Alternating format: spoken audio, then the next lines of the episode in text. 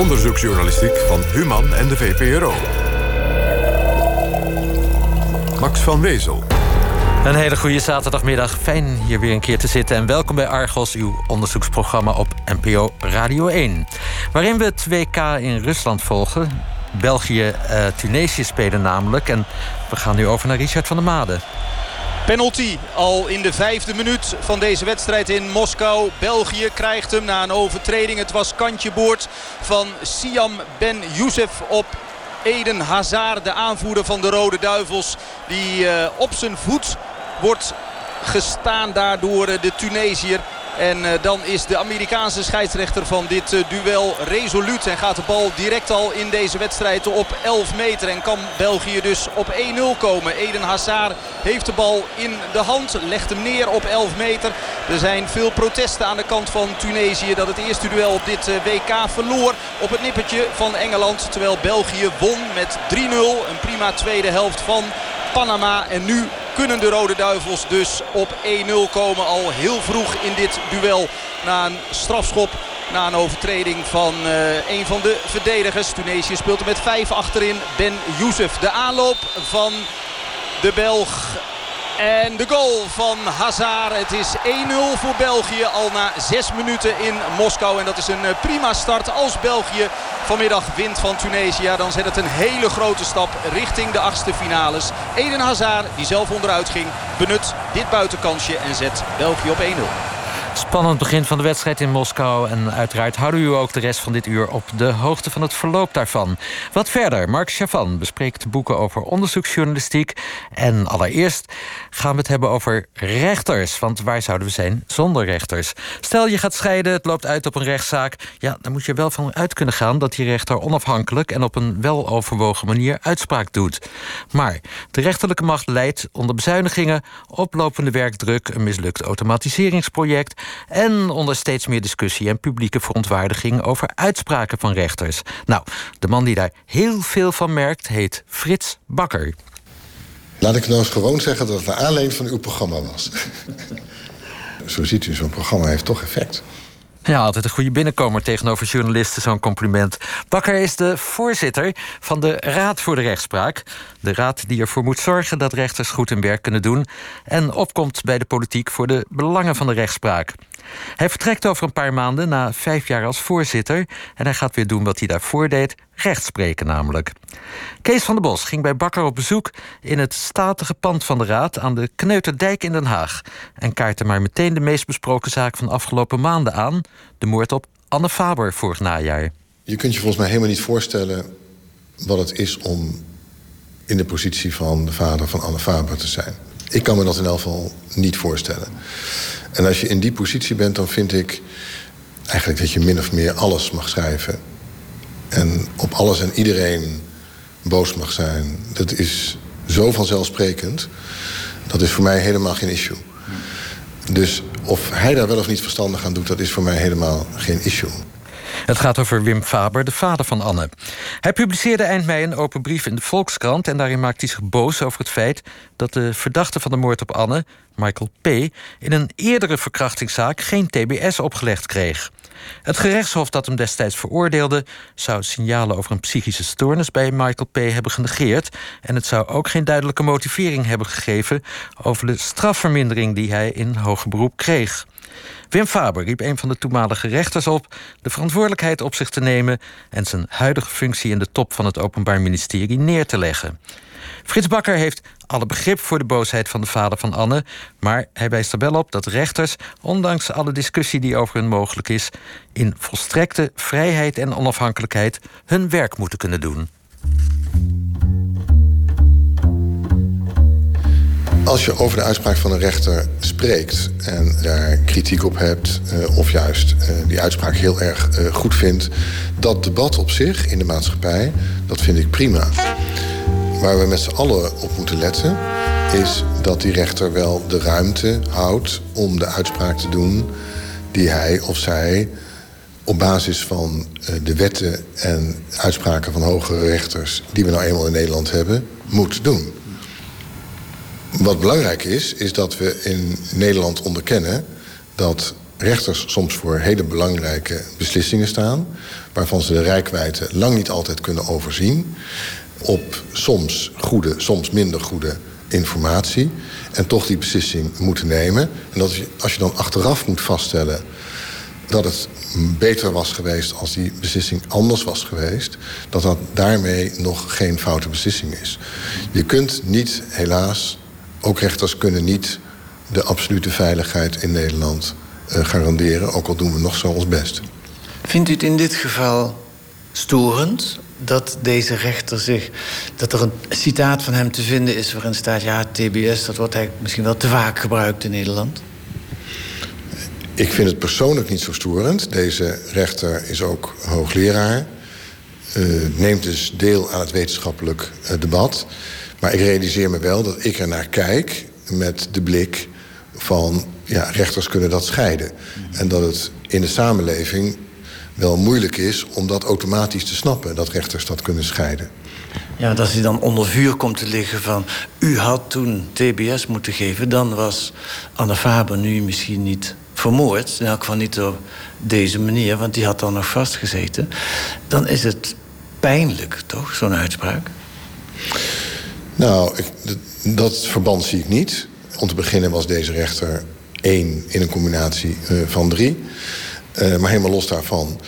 Om TBS te kunnen opleggen heb je simpelweg een aanknopingspunt nodig. Er moet iets zijn waar rechter op kan baseren dat er TBS kan worden opgelegd. Dat kan een eerder psychiatrisch rapport zijn, dat kan een observatieverslag zijn...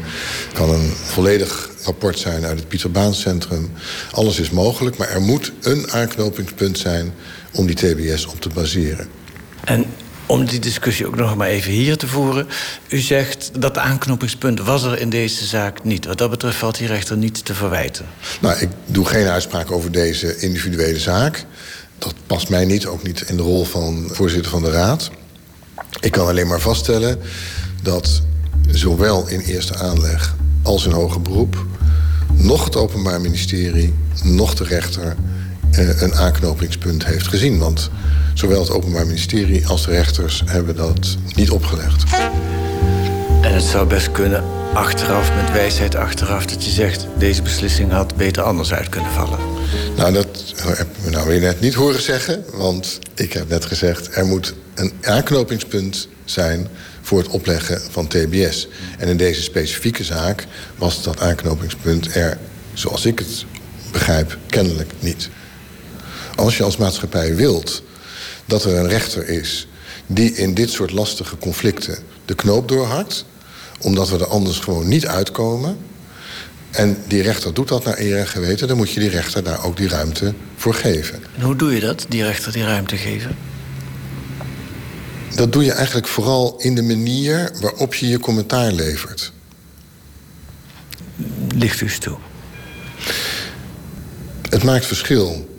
En dan heb ik het niet over de vader van Anne Faber... want die mag nogmaals van mij echt alles uh, zeggen. Maar het maakt verschil of je een uitspraak becommentarieert uh, met... dat is slecht, uh, die rechter moet weg... of uh, een uitspraak becommentarieert met... daar ben ik het om die en die reden niet mee eens... En ik vind dat we daar een debat over moeten voeren... dat de wetgever iets moet doen, of wat dan ook. Dat is, dat is een totaal andere discussie. Wel discussie over de rechters dus, maar liever geen afrekencultuur. Zo kun je de woorden van Frits Bakker samenvatten. En hoe zit dat met de politiek? Mag die zich ermee bemoeien? Neem het vonnis eind mei in de zaak tegen Volkert van de G... de moordenaar van Pim Fortuyn. Van de G hoeft zich voortaan niet meer te melden bij justitie... terwijl zijn straftijd nog niet helemaal voorbij is. Luister even hoe de politiek daarop reageerde... van Madeleine van Torenburg van het CDA... via Klaas Dijkhoff van de VVD... en via Katelijne Buitenweg van GroenLinks... tot Adje Kuiken van de Partij van de Arbeid. We hebben ook allemaal nog op ons netvlies een andere misdadiger... die lekker in een zwembad in het buitenland ligt te poedelen. En dan spreekt deze hele Kamer er schande van. En terecht. We willen ook in dit geval dat iemand zich gewoon moet melden... zich zal moeten gedragen, zal laten zien dat hij uiteindelijk zijn vrijheden verdient. Alleen dan in vrijheid kan eh, leven. En eerder niet. Ik vind het bij dit individu met de daad en de moord op Pim Fortuyn die hij heeft gepleegd... wel heel moeilijk uh, om uit te leggen en om te rijmen. Uiteindelijk heb ik nog steeds liever een land waarin de rechters het bepalen en niet politici. Maar hoe het in dit geval uitpakt, ja, dat uh, voelt bij mij ook niet lekker. Wat is dat voor een signaal ook naar andere mensen die voorwaardelijk in vrijheid zijn gesteld? Want het kan niet zo zijn dat je na twee derde van je straf te hebben uitgezeten... dat je daarna uh, naar een buitenland kan vertrekken. De minister heeft voortdurend geroepen... iedereen moet zijn straf uitzitten, zeker in deze zaak. Dat gebeurt nu niet. Ik begrijp dat niet en ik hoop dat de minister dat wel uit kan leggen... maar ik verwacht het niet. Voor politici, denk ik, geldt in het algemeen dat zij nog net even een klein beetje voorzichtiger moeten zijn met wat ze zeggen dan de gewone burger. Omdat zij onderdeel uitmaken van dat beroemde systeem met die drie staatsmachten... waarvan zij er nou eenmaal één zijn en wij de andere. Dat maakt dat je nog net even iets voorzichtiger met elkaar omgaat. Maar los daarvan vind ik dat ook politici rustig zich mogen uitspreken... over een rechtelijk vonnis. En ook wel best in scherpe bewoordingen. Dan zit het hem ook in hetzelfde verschil. Je mag wel zeggen, het klopt helemaal niks van, ik ben het ermee oneens. Maar je moet het wel respecteren. Precies. Zij Frits Bakker, voorzitter van de Raad voor de Rechtspraak. Uh, 1-0 daarnet in Moskou voor de Rode Duivels. Hoe staat dat nu, Richard van der Made? 2-0 doelpunt van Lukaku. Het is zijn derde van dit WK in Rusland. En de Belgen beginnen dus uitstekend. Hebben er zin in. Houden het tempo ook hoog in deze wedstrijd. In het uiterste hoekje wordt de bal geplaatst door de spits van België. Romelu Lukaku op aangeven van Dries Mertens. Die we natuurlijk nog kennen uit uh, Nederland. De eredivisie waar hij uh, bijvoorbeeld speelde bij PSV, bij Utrecht. En ook bij AGOVV Apeldoorn waar hij begon. De Rode Duivels vieren feest in Moskou. Want België ja, 2-0 en dat uh, binnen een uh, kwartiertje ongeveer. Dat is natuurlijk uh, erg knap. België speelt ook goed en kreeg al een paar goede kansen op nog meer goals. Vroeg natuurlijk al die benutte strafschop van Ede Hazard na vijf minuten. En nu is het zelfs al 2-0 via Lukaku. Zijn derde van dit toernooi. En Tunesië heeft nog geen kans gehad. Nou, als de Tunesiërs niet uitkijken... raken ze die geuze naam de adelaars van Carthago kwijt vanmiddag. Frits Bakker.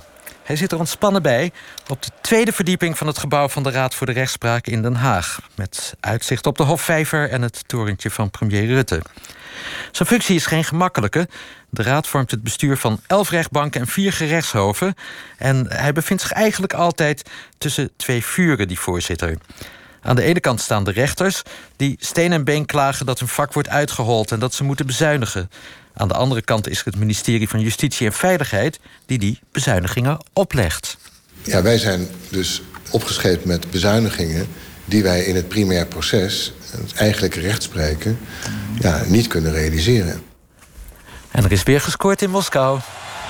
Ja, Tunesië doet iets terug. Het is eigenlijk eh, de eerste kans van eh, de wedstrijd voor eh, Tunesië. Het gebeurt allemaal uit een vrije trap. Het is kantje boord. Maar geen buitenspel. Er is nog wel eventjes overleg met de videoref. Maar de goal wordt toegekend. En via Skiri die de bal raakt. Schamt hem eigenlijk met het hoofd. Ligt de bal achter Courtois. En zo komt Tunesië dus terug tot 2-1. Oké, de Adelaars zijn nog niet verloren de adelaars van Carthago. We gaan terug naar Frits Bakker, de voorzitter van de Raad voor de Rechtspraak. Hij uh, zwaait over enkele maanden af na vijf jaar voorzitterschap. En hij is boos omdat de rechters te weinig tijd en geld krijgen. Daar komt nog eens bij dat het ministerie van Justitie en Veiligheid de afgelopen jaren de griffierechten heeft verhoogd. Met als gevolg, zegt Bakker, dat burgers en bedrijven minder makkelijk naar de rechter stappen. Griffierecht is een soort belasting. Dus als die verhoogd wordt, dan is het in het algemeen om een tekort te dekken. Ja. ja. En u vindt het verstandig dat die zo hoog is? Uh, nee, dat vinden wij niet verstandig. Want dan leidt er weer toe dat ofwel mensen met een uh, schuld worden opgezadeld... met extra schuld worden opgezadeld... die dat toch al moeilijk kunnen betalen. Dat is één. Maar het geldt ook aan de andere kant. Als je de loodgieter bent en je hebt ergens uh, voor 700 euro de cv gerepareerd en je krijgt je rekening niet betaald... ja, dan moet je eerst 460 euro griffierecht gaan betalen... en de rest van je deurwaarderskosten om dat te innen. Nou, dat vind ik ook niet wenselijk. En hoe erg is dat, dat de situatie zo is? Nou, het aantal zaken in die categorie is behoorlijk gedaald. En wat is behoorlijk? Nou, met die vraag overvalt u mij, maar in de orde van grootte van 20, 25 procent... in de afgelopen drie, vier jaar tijd... En dat betekent dat mensen dus minder makkelijk hun recht kunnen halen. Dus je ziet ook echt, je merkt in de praktijk dat mensen gewoon minder vaak bij de rechter komen. Ja, klopt. Maar dan weet je nog niet zeker of dat komt door die griffierechten. Misschien eh, lossen ze het wel op een andere manier op. Er is een hoop onderzoek naar gedaan en er is wel degelijk een connectie tussen de hogere griffierechten en de lagere instroom. Maar de minister zegt het heeft ook wel iets goeds om die drempel te verhogen. Dan gaan mensen ook niet zo snel naar de rechter. Op zich genomen ben ik dat met de minister eens. We moeten niet naar een situatie uh, waarin mensen te lichtvaardig naar de rechter gaan en niet proberen eerst hun probleem op allerlei andere manieren op te lossen. De rechter moet wel een soort laatste redmiddel zijn. Maar de andere kant is, als je er dan niet voor zorgt dat die rechter die rol ook kan vervullen, omdat uiteindelijk de mensen dan met lege handen staan en het niet kunnen betalen, dan blijft er ergens onrechtvaardigheid in de maatschappij hangen. En dat gaat toch ergens vreten. De onafhankelijke rechter is een van de drie pijlers waarop de rechtsstaat rust. Naast de wetgevende en de uitvoerende staat de rechterlijke macht. En die machten moeten volgens een belangrijk democratisch principe strikt gescheiden zijn. Maar ja, de rechterlijke macht valt dan wel weer onder het ministerie van Justitie en Veiligheid, en dat is de uitvoerende macht. En het parlement, de wetgevende en controlerende macht, bepaalt uiteindelijk hoeveel geld er naar de rechterlijke macht gaat. En dat kan problemen geven. Het is dus goed dat uiteindelijk de Kamer bepaalt hoeveel geld er naar de rechtspraak gaat. Uh, maar wij willen graag dat dat zo min mogelijk een politieke afweging is. En zoveel mogelijk alleen een zakelijke afweging. Gewoon hoeveel zaken heb je, wat voor prijs is daarvoor redelijk. En dan moet dat het budget zijn. En dat we niet in de situatie komen dat een minister uiteindelijk in tijden van schaarste een afweging moet maken. Ja, geef ik extra geld aan de rechtspraak, waar ze misschien eigenlijk wel behoefte aan hebben, of koop ik politieauto's. Maar in die situatie zitten we toch al jaren, feitelijk? We zitten inderdaad al jaren in tijden van krapte. En, en dus ook op ieder departement in tijden van politieke keuzes. En wij zouden graag willen dat we, net als andere onafhankelijke staatsinstellingen, een wat meer beschermde positie hebben. Een wat meer beschermde positie wil Bakker. Vast de Raad voor de Rechtspraak, maar een hoog college van staat, zoals de Raad van State. Die zijn zo belangrijk dat ook een budget beschermd is tegen schommelingen door bezuinigingen. Gek genoeg geldt dat niet voor de rechterlijke macht. Als er nou één onafhankelijke staatsinstelling is, dan vinden wij eerlijk gezegd dat wij dat zijn, die daarin opgenomen zouden moeten zijn in dat rijtje. Ja. Maar je komt er niet in. Nee, want er was een initiatiefwetsvoorstel voor ingediend in de Kamer en dat is uh, afgestemd. Ja. Zo simpel is het dan ook. Er is geen politieke meerderheid voor. Nee, dat klopt. Geen hoog college van staat en dus is de rechterlijke macht afhankelijk van de stemming op het ministerie en in de Tweede Kamer. Nergens wordt nog zoveel met mappen en stukken gesjouwd als bij de rechtbanken. E-mail is namelijk niet helemaal te vertrouwen, vinden ze daar. Onlangs vertelde een advocaat dat hij van de rechtbank te horen kreeg dat hij zijn mail maar moest printen en vervolgens op de fax moest zetten. Dan kon de rechtbank er iets mee doen. Hoog tijd dus voor een flinke automatiseringsslag, zou je denken. Daar is de laatste jaren dan ook hard aan gewerkt. Maar dat vindt Frits Bakker geen fijn onderwerp. Nee, het zijn ook niet leuke onderwerpen. Ja. waarom is het geen leuk onderwerp? Het is een, zeg ik maar even, een typisch voorbeeld van een ICT-project bij de overheid. Eh, waar er al vele voorbeelden van zijn wat misgaat. Ja, in elk geval waar op een aantal onderdelen grote problemen zijn. Ja. De ambities waren te hoog, blijkt uit rapporten.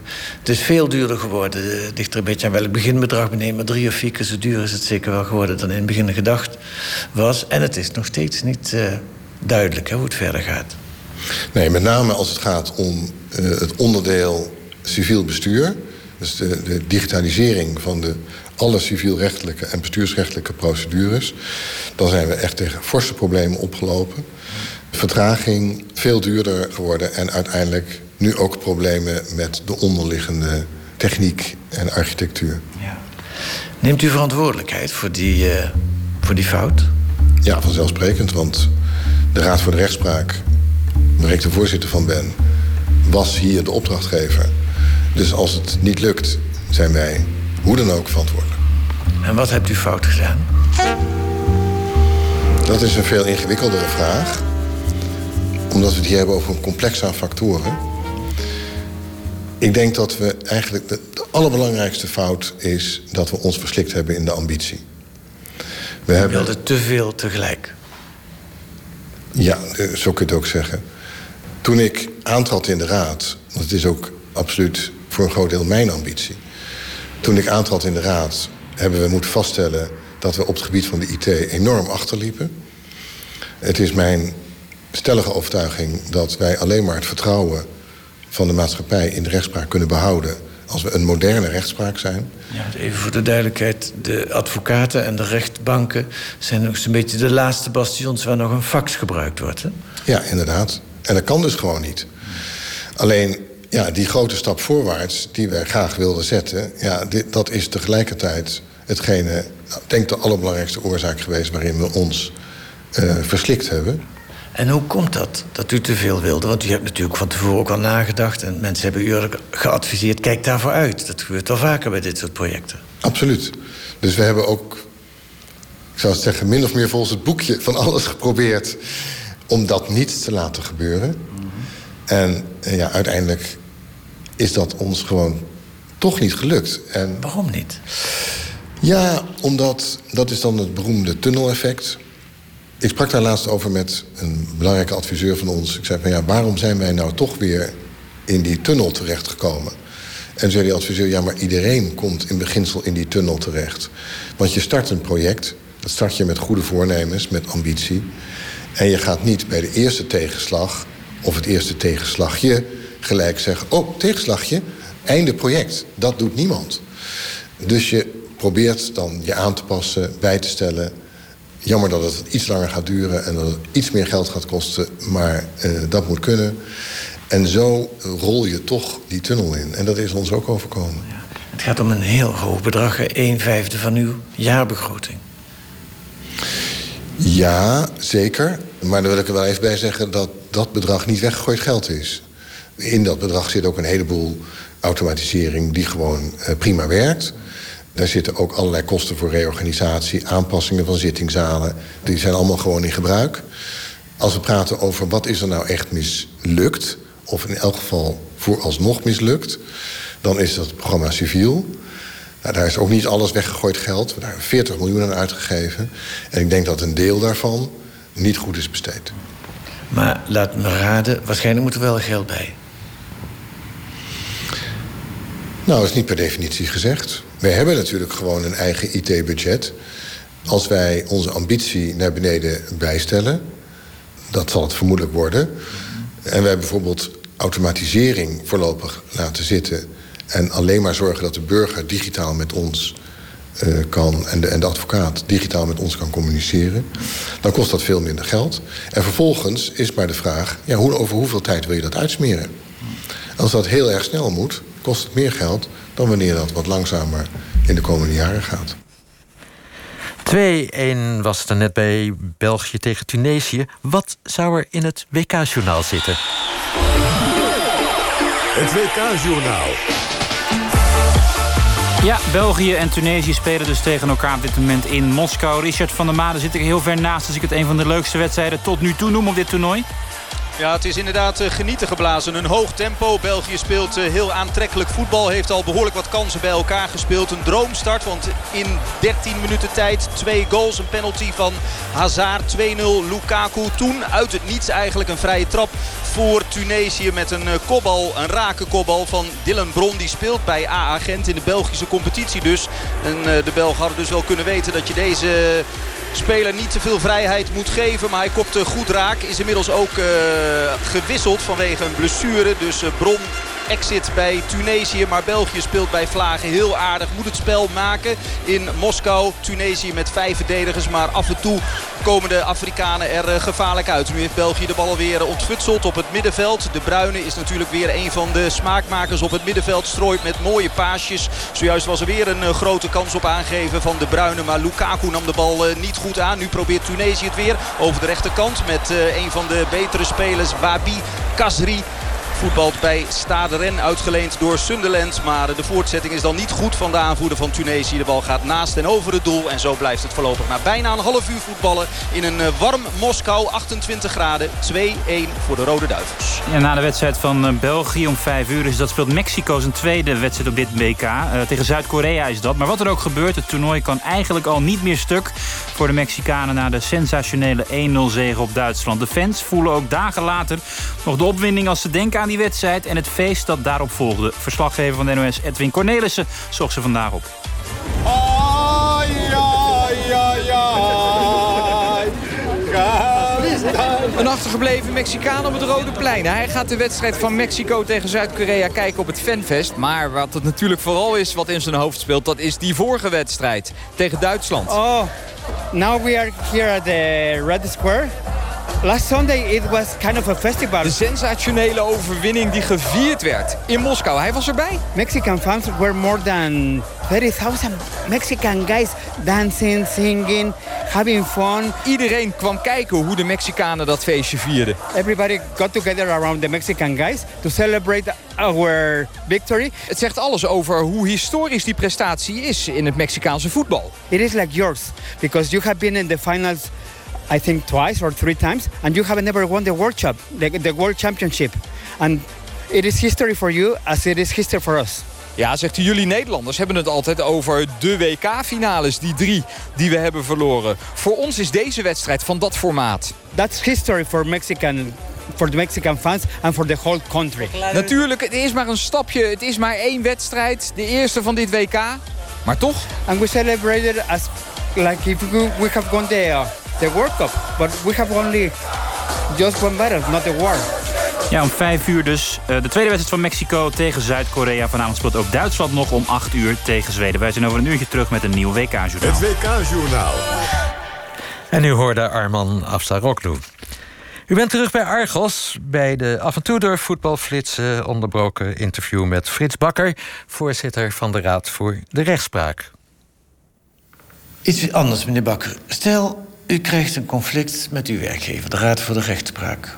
En het conflict sleept jaren, het loopt uit de hand, het komt tot een rechtszaak. En dan komt u erachter dat in die rechtszaak de rechter die u beoordeelt... in een vorig leven op het ministerie van Justitie en Veiligheid heeft gewerkt... en uh, te maken heeft gehad met dat conflict. Wat zou u daarvan vinden?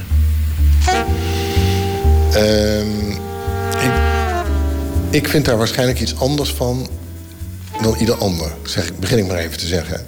Omdat ik heel erg gewend ben, zelf rechter, om dit soort dingen te splitsen.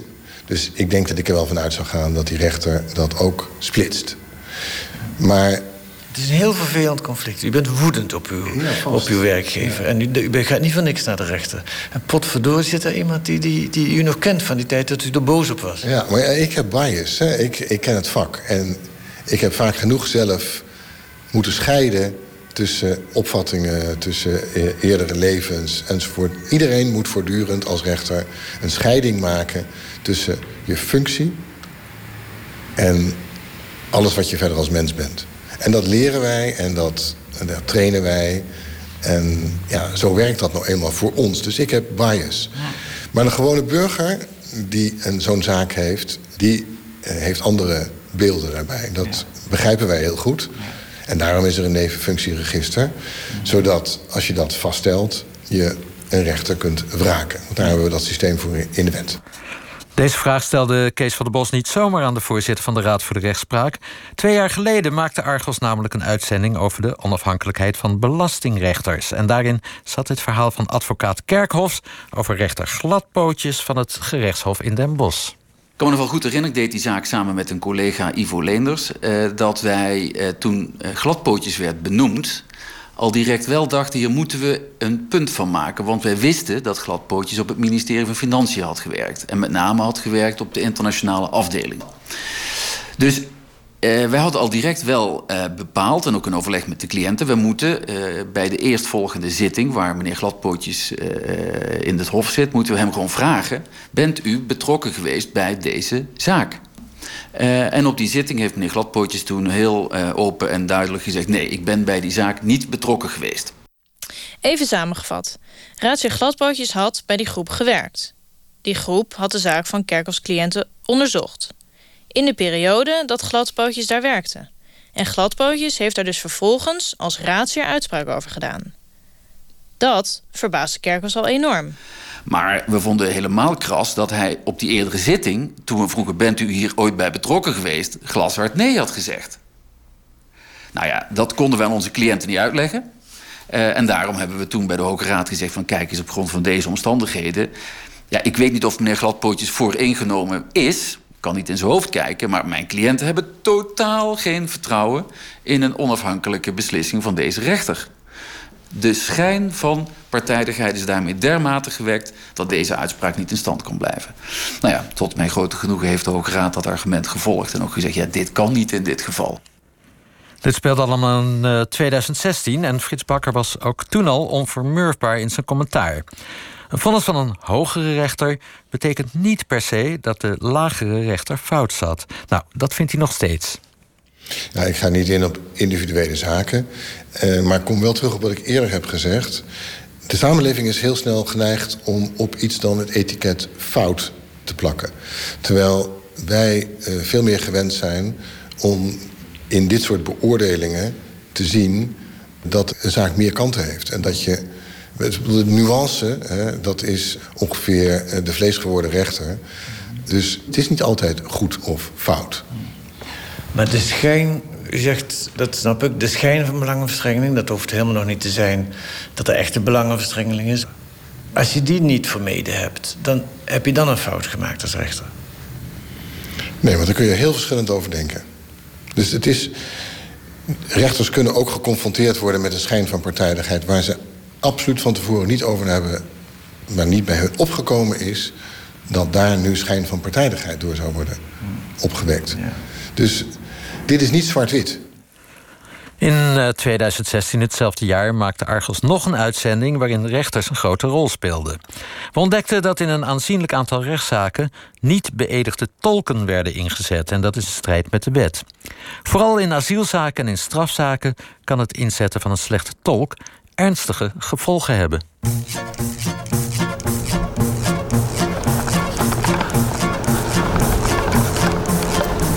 In de auto met Mustafa Lokili.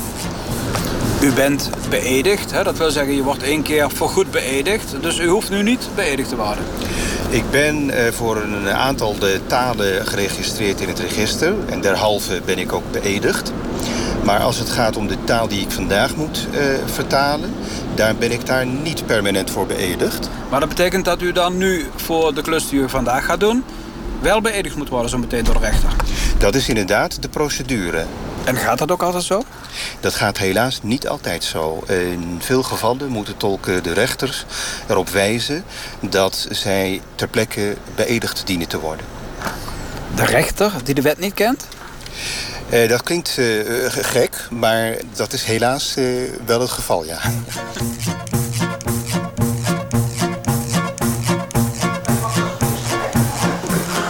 De zaak die kan worden uitgeroepen. Ja. Goedendag, goedemorgen. Meneer Lucchini, welkom. In welke taal gaat u tolken? Ik ga in dit geval in het Syrisch-Arabisch tolken. Syrisch-Arabisch. Goed. Ik meld nogmaals, u weet het al, dat voor een radioprogramma de zitting wordt opgenomen. Er ligt een recorder voor mijn neus. Maar ik heb begrepen dat het met name bedoeld is voor een reportage over gerechtstolken. U bent. Dat klopt.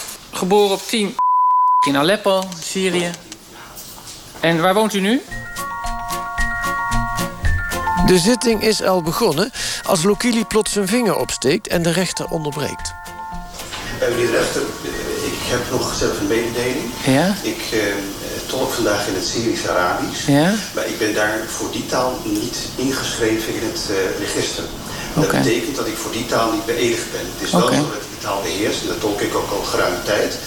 En dan is de procedure zo dat u mij dan ter plekke eh, moet beëdigen. Nee, dat is goed dat u het zegt, want ik, eh, ik, ik had wel gezien dat u in het register staat. Voor welke taal staat u dan in het Ik register? sta in het register voor het Marokkaans-Arabisch en voor een variant van het Berbers.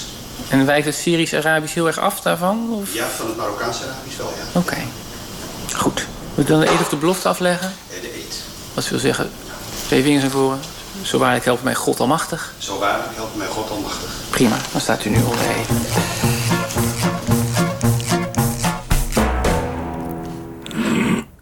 Toen dit speelde, twee jaar geleden, was het standpunt van de Raad voor de Rechtspraak nog dat de kwaliteit van de tolk, in elk geval in vreemdelingenzaken, niet de verantwoordelijkheid is van de rechter, maar van de advocaat. Nou, daarom leggen we de vraag nu toch nog maar eens voor aan Frits Bakker. Iets anders. U bent de rechter, u bent de man van de wet, eh, u bent de man van regels. In het algemeen is een rechter verantwoordelijk voor de kwaliteit van de rechtsgang in een rechtszaak, neem ik aan. Ja, en daar aarzel ik een beetje bij. De rechter is niet voor alles verantwoordelijk. Dat hangt ook heel erg vanaf welke verantwoordelijkheden bij de rechter zijn gelegd door de wetgever. Eh, voor een aantal dingen kun je simpelweg geen verantwoordelijkheid eh, dragen, omdat dat bijvoorbeeld partijverantwoordelijkheid is. De aanwezigheid van een beëdigde tolk, is dat een verantwoordelijkheid van de rechter? Nou, dat hangt er erg vanaf. U hebt daar ook een keer een uitzending aan gewijd. In sommige gevallen, in strafzaken bijvoorbeeld, is het echt een eh, verantwoordelijkheid van de rechter en het Openbaar Ministerie om te zorgen dat er een goede tolk zit. In andere zaken, bijvoorbeeld in vreemdelingenzaken, is dat niet zo geregeld. Daar moet eh, een partij zelf een tolk meenemen. En wij hadden deskundigen in dat programma, ook hoogleraar Barkhuis bijvoorbeeld, die zei: Ja, het klopt. In principe moet de advocaat zorgen dat bijvoorbeeld de, de cliënt die erbij staat, die een goede tolk meeneemt. Maar vanuit de verantwoordelijkheid van de rechter voor de rechtsgang vinden we toch ook dat de rechter dat moet controleren. Ja, het controleren is best wel ingewikkeld. Om een heel simpel voorbeeld te geven, een- rechter die geen Pashto spreekt, kan moeilijk controleren of er goed vertaald wordt. Ja, maar je kunt wel controleren of iemand beëdigd is. Maar je kunt wel, precies, je kunt een aantal formele vereisten eh, kun je controleren. En intussen is er ook voor rechters een checklist gemaakt om dit soort dingen bij de aanvang van de zitting te checken. Oh, toch wel, want toen wij het programma maakten was dat nog niet het geval. Nee, maar zo ziet u, zo'n programma heeft toch effect. Is het inderdaad naar aanleiding van dat programma of waren er nog meer signalen? Laat ik nou eens gewoon zeggen dat het naar aanleiding van uw programma was. Ja, altijd vleiend. Frits Bakker stopt eind dit jaar. Dan is hij bijna zes jaar voorzitter van de Raad voor de Rechtspraak geweest. In een managementfunctie vooral. En straks verlangt hij weer terug naar het echte handwerk. Ziet u er naar uit om weer rechter te worden?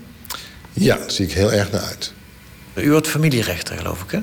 Betekent dat ook dat je alleen familiezaken gaat doen dan?